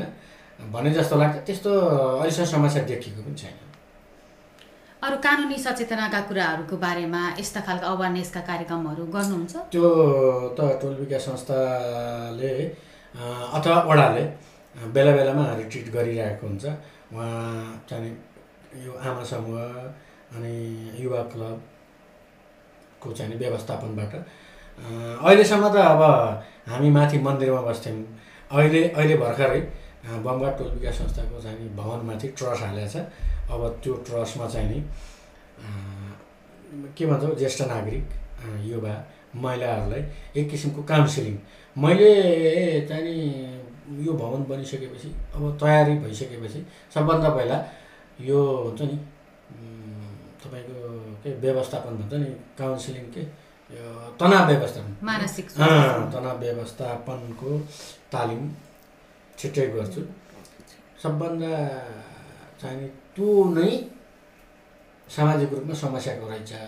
हामीले अहिलेसम्म बुझेनौँ होइन? तर के रहेछ भने हामीले देख्दैनौँ। मसित नि चाहिँ तनाव छ उहाँसित तनाव छ तपाईँसित नि तनाव छ। हामीले देख्दैनौँ। त्यसको व्यवस्थापन चाहिँ गर्नु जरुरी रहेछ अब बिस्तारै त्यो लाइनमा नि प्रवेश गर्छौँ। त्यति झै झगडा त्यस्तो चाहिँ अब अहिलेसम्म देखिएको छैन होइन। युवाहरू पनि सक्रिय छन् काम गर्ने कुरामा संवाद गर्ने कुरामा। हजुर। अवश्य पनि। आदरणीय श्रोताहरू आजको बसाइमा हामीले बुटुल उपमहानगरपालिका वडा नम्बर तिनका तीनवटा टोल विकास संस्थाका अध्यक्षहरूसँग कुराकानी गरिरहेका छौँ। रेडियो मुक्ति पञ्चानब्बे थुप्रो पाँचको ध्वनि तरङ्गबाट। यो एउटा बहस हो। टोल विकास संस्थाहरूले चाहिँ कसरी कामहरू गरिरहनु भएको छ? नगरपालिकाले दिएका अधिकारभित्र रहेर टोल विकास संस्थाले आफ्नो कामहरू गर्नुपर्ने हुन्छ र टोल विकास संस्थामा रहेका व्यक्तित्वहरूले प्रतिनिधिहरूले जसरी काम गर्नुहुन्छ त्यसै गरी टोल टोल हुँदै ओडा हुँदै नगरको चाहिँ विकास हुन सक्छ भन्ने यो अवधारणा पनि हो। र आजको बसाइमा हामीले भौतिक विकास सँगसँगै मानवीय विकासको अवस्थालाई पनि हामीले जोडिरहेका छौँ। अब यति बेला चाहिँ म विष्णु प्रसाद श्रेष्ठ सरसम्म जान चाहन्छु। मिलन पथ टोल विकास संस्थाको अध्यक्ष हुनुहुन्छ। विष्णु सर अब समस्याको बारेमा यहाँले कुरा गरिसक्नु भएको छ। म ठ्याक्कै पदम सरलाई सोधेको प्रश्न।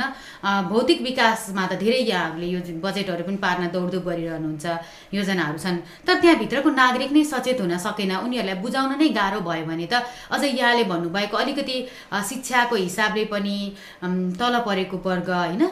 सुकुम्बासी भनेपछि चाहिँ अलिकति निम्न आय भएको व्यक्तिहरू बिहानदेखि साँझसम्म आफ्नै काममा घोटिरहँदा उसले कहाँ के भइरहेको छ आफ्नो अधिकार के हो भन्ने पनि उसले त्यति धेरै थाहा पाइ नपाइरहेको अवस्था छ हुन्छ? अब यो विषयमा चाहिँ यहाँहरूले कस्तो खालको कामहरू गर्नुभएको छ?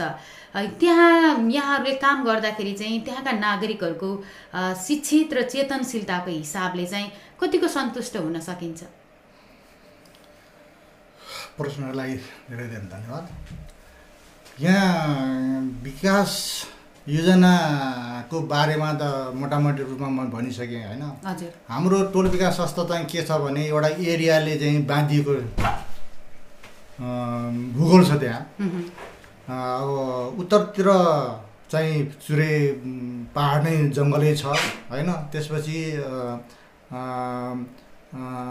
अरू चाहिँ बजारसँग नै जोडिएको साँध छ।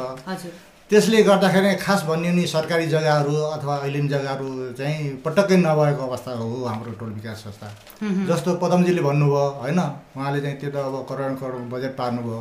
किन उहाँको एरियामा चाहिँ ऐलिन जग्गाहरू थियो ऐलिन जग्गामा उहाँले भवन निर्माण गर्ने किसिमको यस्तो चाहिँ चेतनाहरू चाहिँ आयो र। चाहिँ बजेट पर्न सफल भयो। र त्यसरी चाहिँ बजेट पार्नलाई मेरो टोल विकास संस्था त्यो त्यस्तो ऐलिन जग्गा नभएको अथवा सरकारी जग्गा नभएको अवस्थाले गर्दाखेरि हामी अलिक पछि नै परेका छौँ। र त्यहाँ चाहिँ अब विकास भन्ने हो भने अब हाम्रो मेन यो ज्योतिनगरबाट बगेर गयो एउटा नाली छ हाम्रो टोल विकास संस्थाको बिच भागबाट गएको छ। त्यो नालीले दुई भागमा विभाजन गरेको छ हाम्रो टोललाई। त्यो नालीले यो पहिरो चुरे प पहिरोले चाहिँ त्यो नाली भरिन गरेर त्यसले अति नै त्यसले चाहिँ त्यहाँ क्षति पुऱ्याइरहेको अवस्था छ। र त्यो नाली भरिन गएर पहिरोको हिलो माटोले भरिन गएर नाली भरिएको अवस्थामा त्यो माटो निकाल्ने अवस्था पनि अलि छैन। किनभने त्यो नालीमा जाने डोजर जाने बाटो छैन पहिलो कुरो। दोस्रो कुरो नाली साँगुरो भएको अवस्था। र तेस्रो कुरो चाहिँ त्यहाँ के छ भने अलिकति अब शिक्षित भन्ने हो नि यो अहिले उसमा चाहिँ अब अशिक्षित छ त कसैलाई भन्नै पर्ने। सब भन्नै मिलेन। किनभनेदेखि अब युवाहरू जति अब विदेश पलायन अलिकति पढे लेखा विद्यार्थीहरू युवाहरू विदेश पलायन छन् र यहीँ स्वदेशमै बसेर आफ्नै घरमा बसेर चाहिँ कुनै अब आफ्नो जीवोपार्जनको लागि सानोतिना व्यापार व्यवसाय गरेर बस्ने पनि छन्। बेरोजगार बस्ने त कमै छन् आफ्नो रोजीरोटीको लागि पनि गर्ने बाध्यबाट गर्नै पर्यो।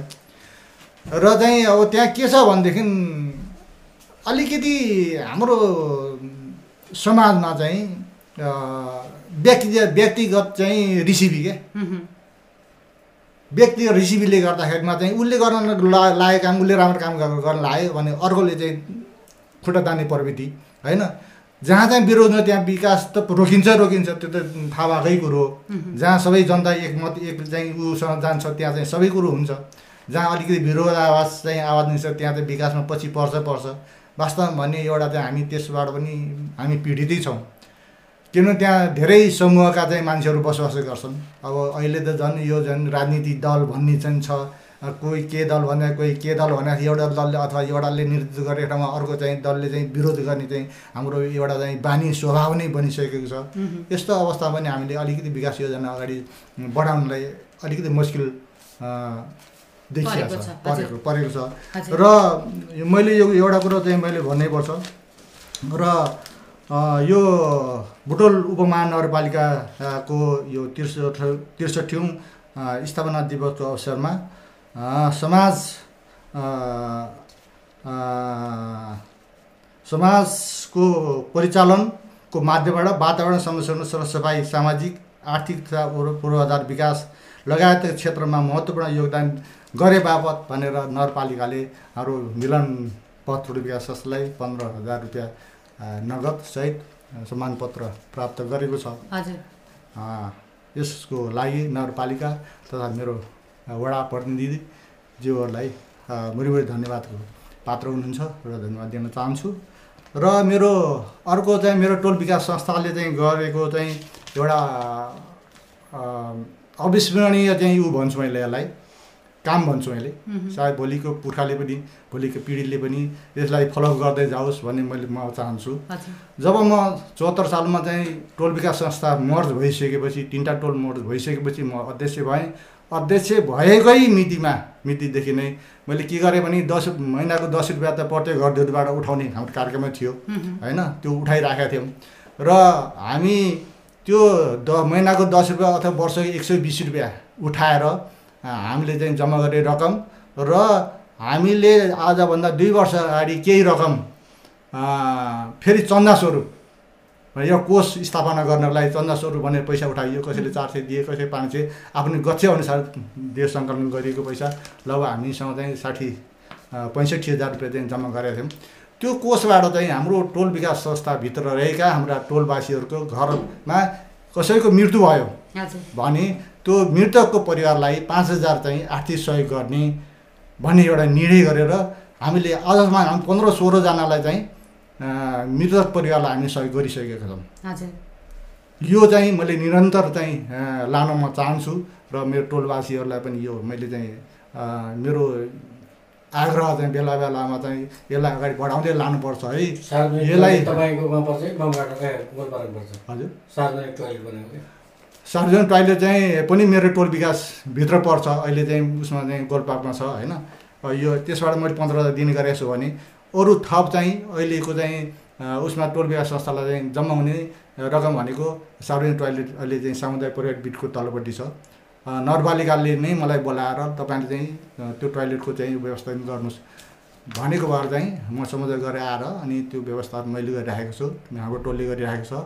र महिनाको चाहिँ तिन हजार रुपियाँ चाहिँ मैले चाहिँ ठेक्का माझबाट चाहिँ स्विपरलाई मैले जिम्मा दिएको छु। र त्यो तिन हजार चाहिँ हाम्रो टोल विकास संस्थाको कोषमा चाहिँ जम्मा हुन्छ। यसरी जम्मा भएको रकम हामी करिब हामीसँग चाहिँ एक लाख समथिङ हामीसँग अहिले चाहिँ अ, मौजात छ। हामी चाहिँ ब्याजै पनि लगाएको छौँ। कतिपय रकमहरू ब्याजै लगाएको छौँ भने अनि आवश्यक परेको खण्डमा चाहिँ नै रकमबाट हामीले टोल विकास संस्थामा चाहिँ हामीले खर्च पनि गरि गर्ने गरेका छौँ। अवश्य पनि हामी यो बहसमा छौँ धेरै राम्रा कामहरू सुधारका कामहरू विकासका कामहरू टोल विकास संस्थाले गरिरहनु भएको छ। उदाहरणीय टोल विकासहरू बन्ने प्रतिस्पर्धामा हुनुहुन्छ। सबै मानिसहरूको योजना एउटै हुँदैन। केही व्यक्तिका सोचाइ फरक हुन्छन् केही व्यक्तिका सोचाइ फरक हुन्छन्। सकारात्मक कुराहरूले अनुसरण गऱ्यो भने हामी पक्कै पनि त्यो प्रतिस्पर्धामा पुग्न सक्छौँ भन्ने सन्देश आजको बहसले पनि दिएको छ। अब विष्णुमाया म्याम हामी अब अन्त्यमा छौँ बहसको अन्त्यतिर आइपुगेका छौँ। अब जनप्रतिनिधि अब टिकट पाउने बेलाको दौडधुप पनि हुँदैछ। अब निर्वाचन आउन धेरै समय छैन वैशाख तिसमा त निर्वाचन सम्पन्न गर्नुपर्ने छ अहिले रहेका अधुरा कामहरू पनि बाँकी छन्। जनप्रतिनिधि कस्तो हुनुपर्दो रहेछ? यहाँको अनुभवमा यहाँले सामाजिक क्षेत्रमा रहेर काम गर्दा समाज सेवा भनेर टोल विकास संस्थामा रहेर काम गर्दा निष्पक्ष ढङ्गबाट सोच्दा जनप्रतिनिधि कस्तो हुनुपर्छ? यहाँको विचार। जनप्रतिनिधि कस्तो हुनपर्छ भने भोटमा त भोट हाल्दा मात्रै पार्टी भन्ने र काम गर्दाखेरि जस्तो टोलले कुनै पनि पार्टी जाति छुट्टान भने हो त्यस्तै जनप्रतिनिधि पनि भोट गन्दाखेरि पार्टीको गनिन्छ भने विकास गर्दाखेरि पुरा मेरै मेरै मान्छे हो भन्ने खालको चाहिन्छ। सबैलाई समावेशी ढङ्गले सबै मेरै हो। यो पार्टी अर्को होइन यो जाति होइन सबै जाति पार्टी मेरै हो। यो टो टोलको टोलको प्रतिनिधिले टोल जति मेरै हो नगरकोले नगर जति मेरै हो भन्ने त्यस्तो चाहना हुने व्यक्ति बल्ल प्रतिनिधि होस् भन्छु म त। अब यो पाँच वर्षसम्म काम गर्नुभयो। अझै अझै यो दुईवटा कामहरू अथवा यो तिनवटा कामहरू चाहिँ पुरा गर्न पाएको भए हुन्थ्यो भन्ने खालको त्यो मनमा त्यस्तो अपुरो रहेको छ भन्ने लागेको छ केही?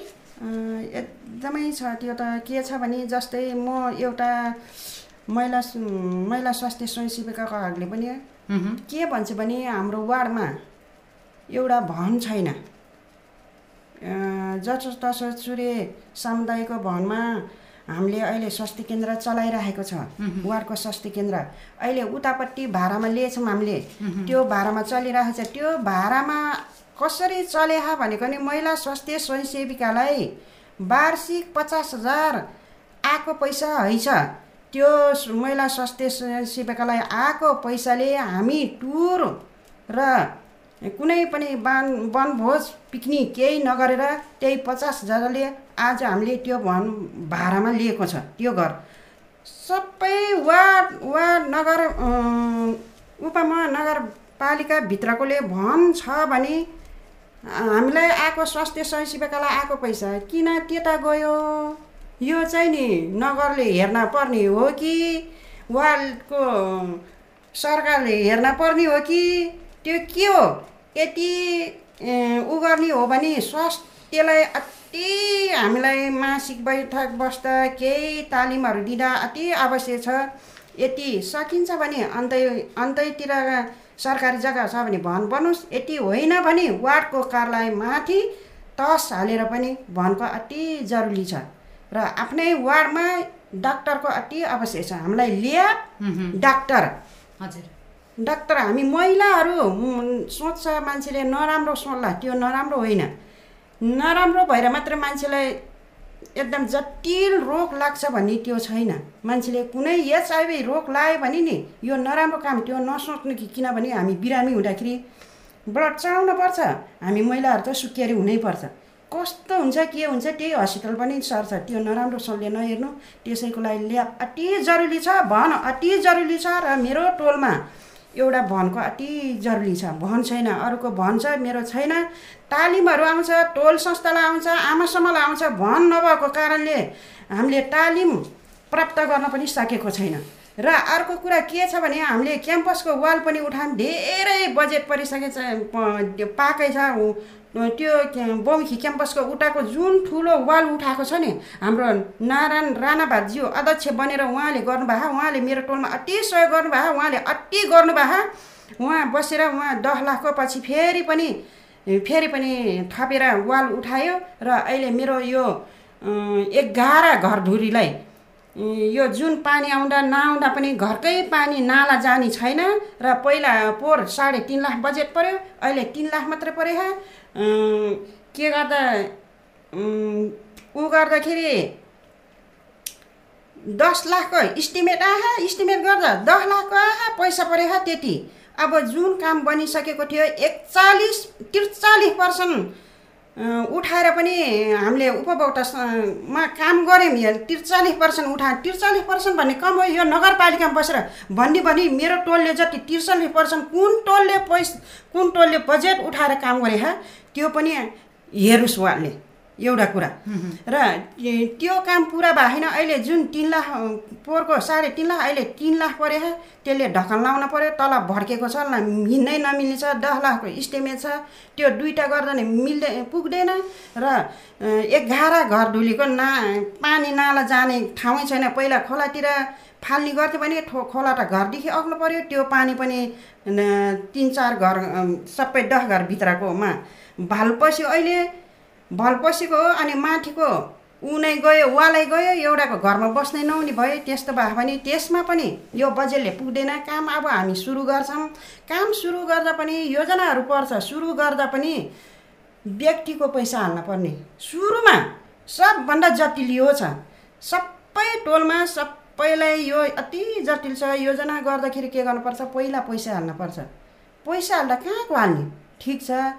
टोल संस्थामा कुनैको जम्मा भयो भने हाल्ने हो। त्यो पनि आपटै परेर जम्मा गर्ने पैसा हो। ब्याजमा लानुहुन्छ उहाँहरूले पछि तिर्ने गरेर के को कहाँको पैसा हाल्ने? अनि गऱ्यो गऱ्यो कुन मिलेन कुन मिलेन भने पछि हेर्नु त्यो ब्याजको स्याज गर्दा खाता पुग्छ। यो के भन्छ भने मिल्छ भने मिलाउने त हामी जनताले नै हो। जनता नै हो। स्थानीय सरकार पनि जनता नै हो न नगरपालिका पनि जनता नै हो जहाँ पनि जनता नै हो मिल्छ भने पछि बरु कटाउन गरेर सुरुमा सुरुमा त्यो डिभिजन जुन गर्नपर्छ नि योजनाहरूमा त्यसमा चाहिँ नि जुन जुन योजनामा परे त्यो नगरले पर्छ नि नगरले वालले पर्छ वालले त्यो चाहिँ नि पहिला उपलब्ध गराइदिनु भयो भने राम्रो हुन्छ कि जस्तो मलाई लाग्छ है। अब महिलाको कुरा गर्दाखेरि महिला अधिकारसँग जोडेर स्वास्थ्य अधिकारसँग जोडेर चेतनामूलक कार्यक्रमहरू यहाँले आफ्नो टोल संस्थामा चाहिँ कतिको गर्नु भएको छ? हामी यस्तो स्वास्थ्य आमा समूह भनेर हामीले राखेको छ। जस्तै महिला स्वास्थ्य स्वयंसेविका भइसकेपछि जुन जुनै टोलमा पनि महिला स्वास्थ्य स्वयंसेविका छ भने त्यो त्यो ठाउँमा आमासम्म गठन गर्नै पर्ने।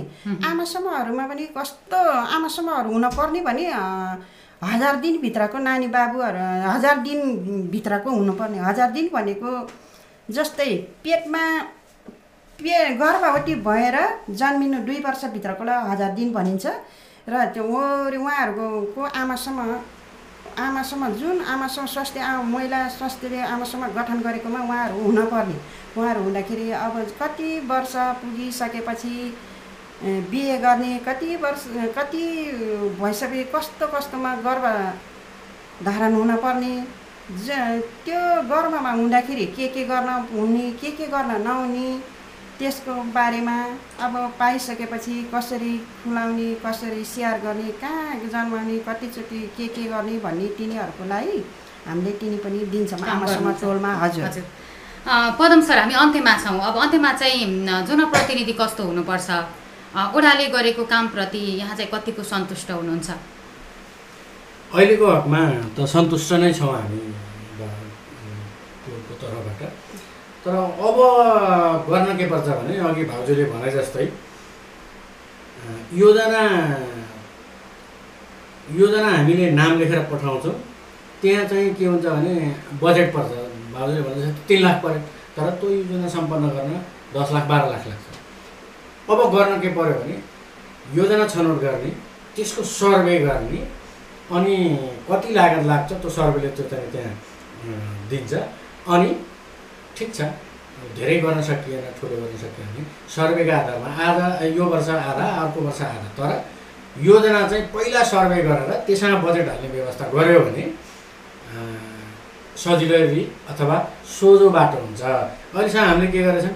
तिन लाख रुपियाँ दिन्छ सा चाहिँ दस लाख रुपियाँ खर्च हुँदैछ। अनि के गर्नु त? भन्दा अब सबैले साठी चालिस साठी प्रतिशतसम्म चाहिँ जनसहभागिता गरेर गर्नुपर्ने बाध्यता छ। त्यो बाध्यता के हो त भन्दाखेरि सय मिटरको बाटो छ। आज अहिले यो वर्ष पच्चिस मिटर गरौँ बाँकी अर्को वर्ष गरौँ भन्दाखेरि त्यहाँको लोकलले चाहिँ समस्या मिलाउन सकिँदैन। ए तेह्र वर्षमा मात्रै गर्ने. आधा मात्रै गर्ने भन्ने जनताको कुरा रहने हुनाले त्यो बाटो त पुरै भ्याउनु पऱ्यो। यदि पुरै भ्याउने हो भने त साठी त हाल्नै पऱ्यो। होइन? होइन भने जति चाहिँ तिन लाखले हुन्छ त्यति मात्रै गर्ने। अर्को वर्ष चाहिँ पार्सेन्ट हिसाबले जाम भन्ने हो भने त चाहिँ हामी पन्ध्र प्रतिशतमा पनि झार्न सक्छौँ। अब आउँदा चाहिँ त्यो फरक ढङ्गबाट जानुपर्छ भन्ने छ। मैले त नगरपालिकामा पनि यो लाइनबाट कुरा गरेको छु वडामा पनि यो लाइनबाट कुरा गरेको छु। हामी पटक पटक बस्दाखेरि कुरा हुन्छ होइन यो बालुवा ढुङ्गा गिटी ल्यायो अब हामीले कहाँबाट भ्याट बिल खोज्ने समस्या छ? उनीहरूले त्यो भ्याट बिल स्याट बिल चाहिँ के के के के नाममा पैसा काटिदिन्छ। त्यो विधि नमान्न मिलेन विधि मान्दाखेरि कहाँ खोज्नु जाने भ्याट बिल? छड सिमेन्टको त पाइहाल्यो भ्याट बिल तर ढुङ्गा माटोको त बिल पाइँदैन नि त।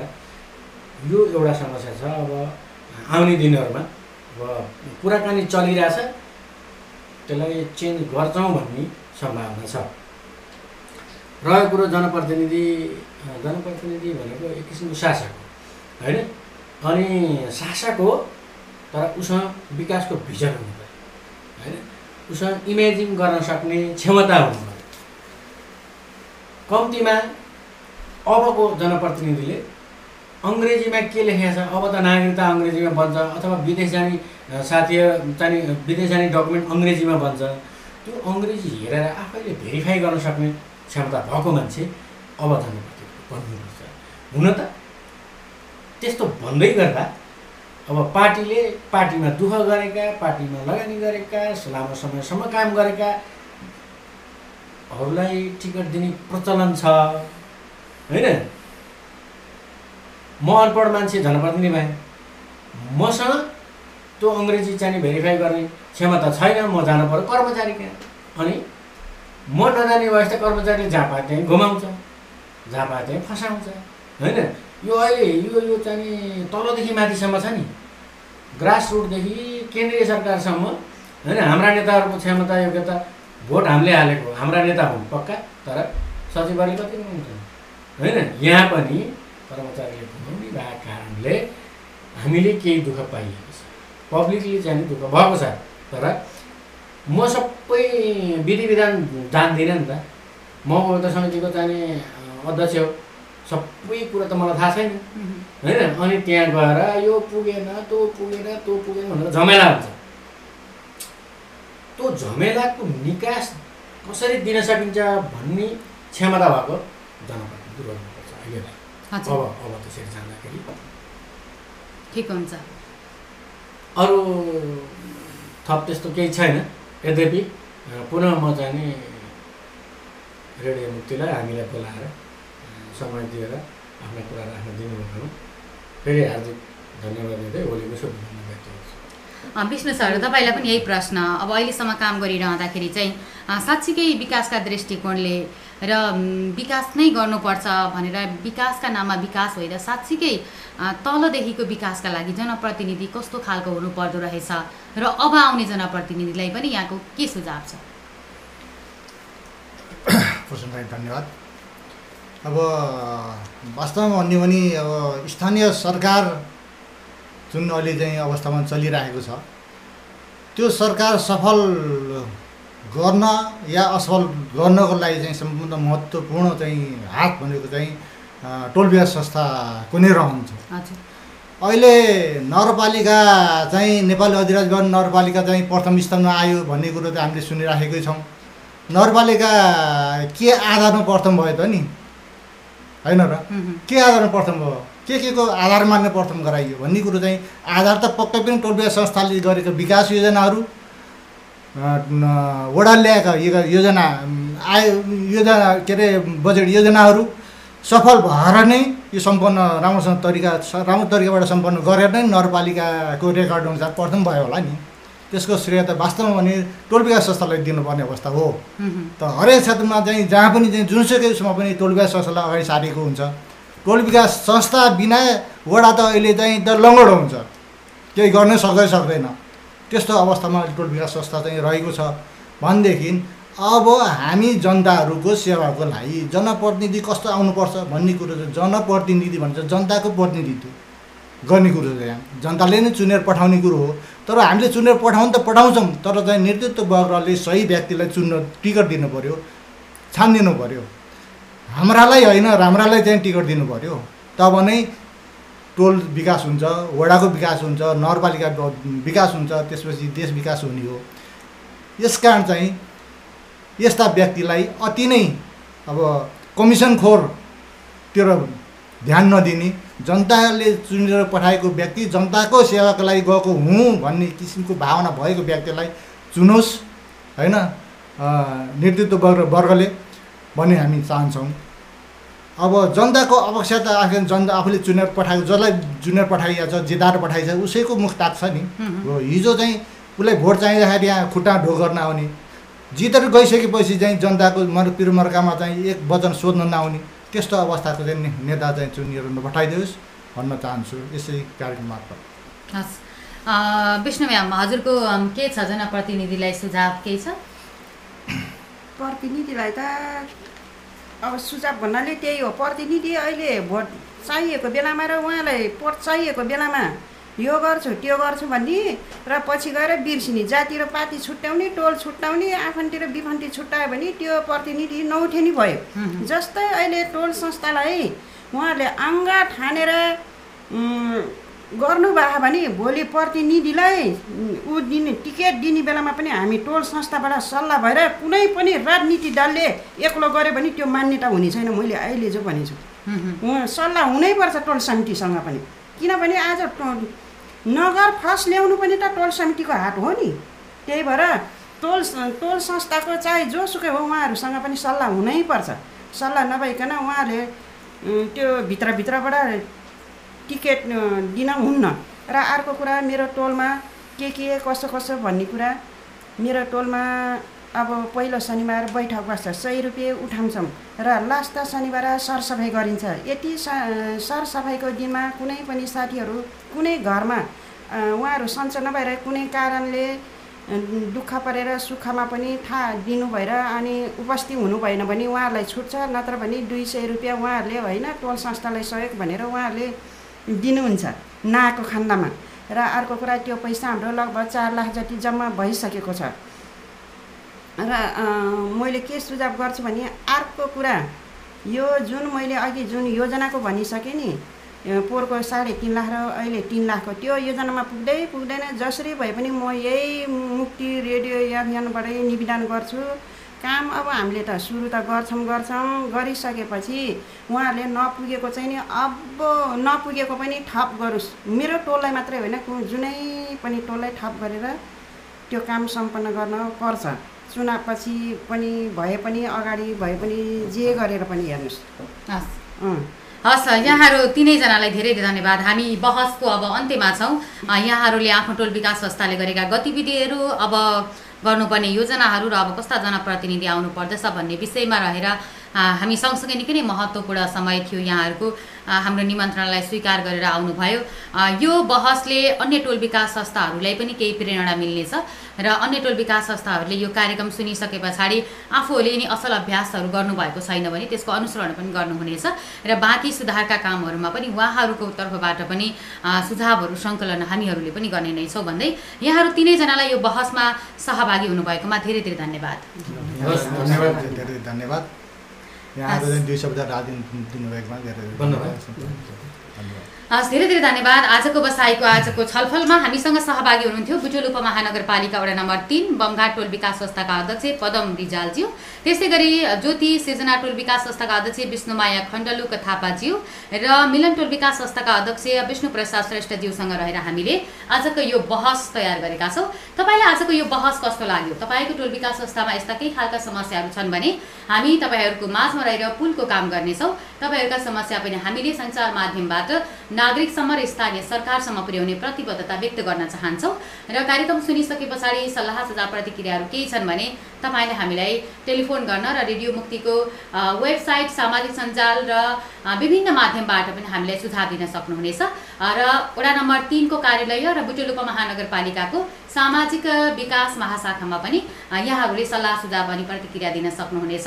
आजको बहस हामीले बुटोल उपमहानगरपालिका वडा नम्बर तिनको सहकार्य र समन्वयमा तयार पारेका हौँ। कार्यक्रम सुनेर साथ दिनुहुने तपाईँलाई धन्यवाद दिँदै आजको कार्यक्रमबाट प्राविधिक साथी मनिषा बस्याल अनि म अस्मिना पाण्डे एकैसाथ बिदा हुन्छौँ। तपाईँ रेडियो मुक्ति सुन्दै रहनुहोला। नमस्ते शुभ दिन।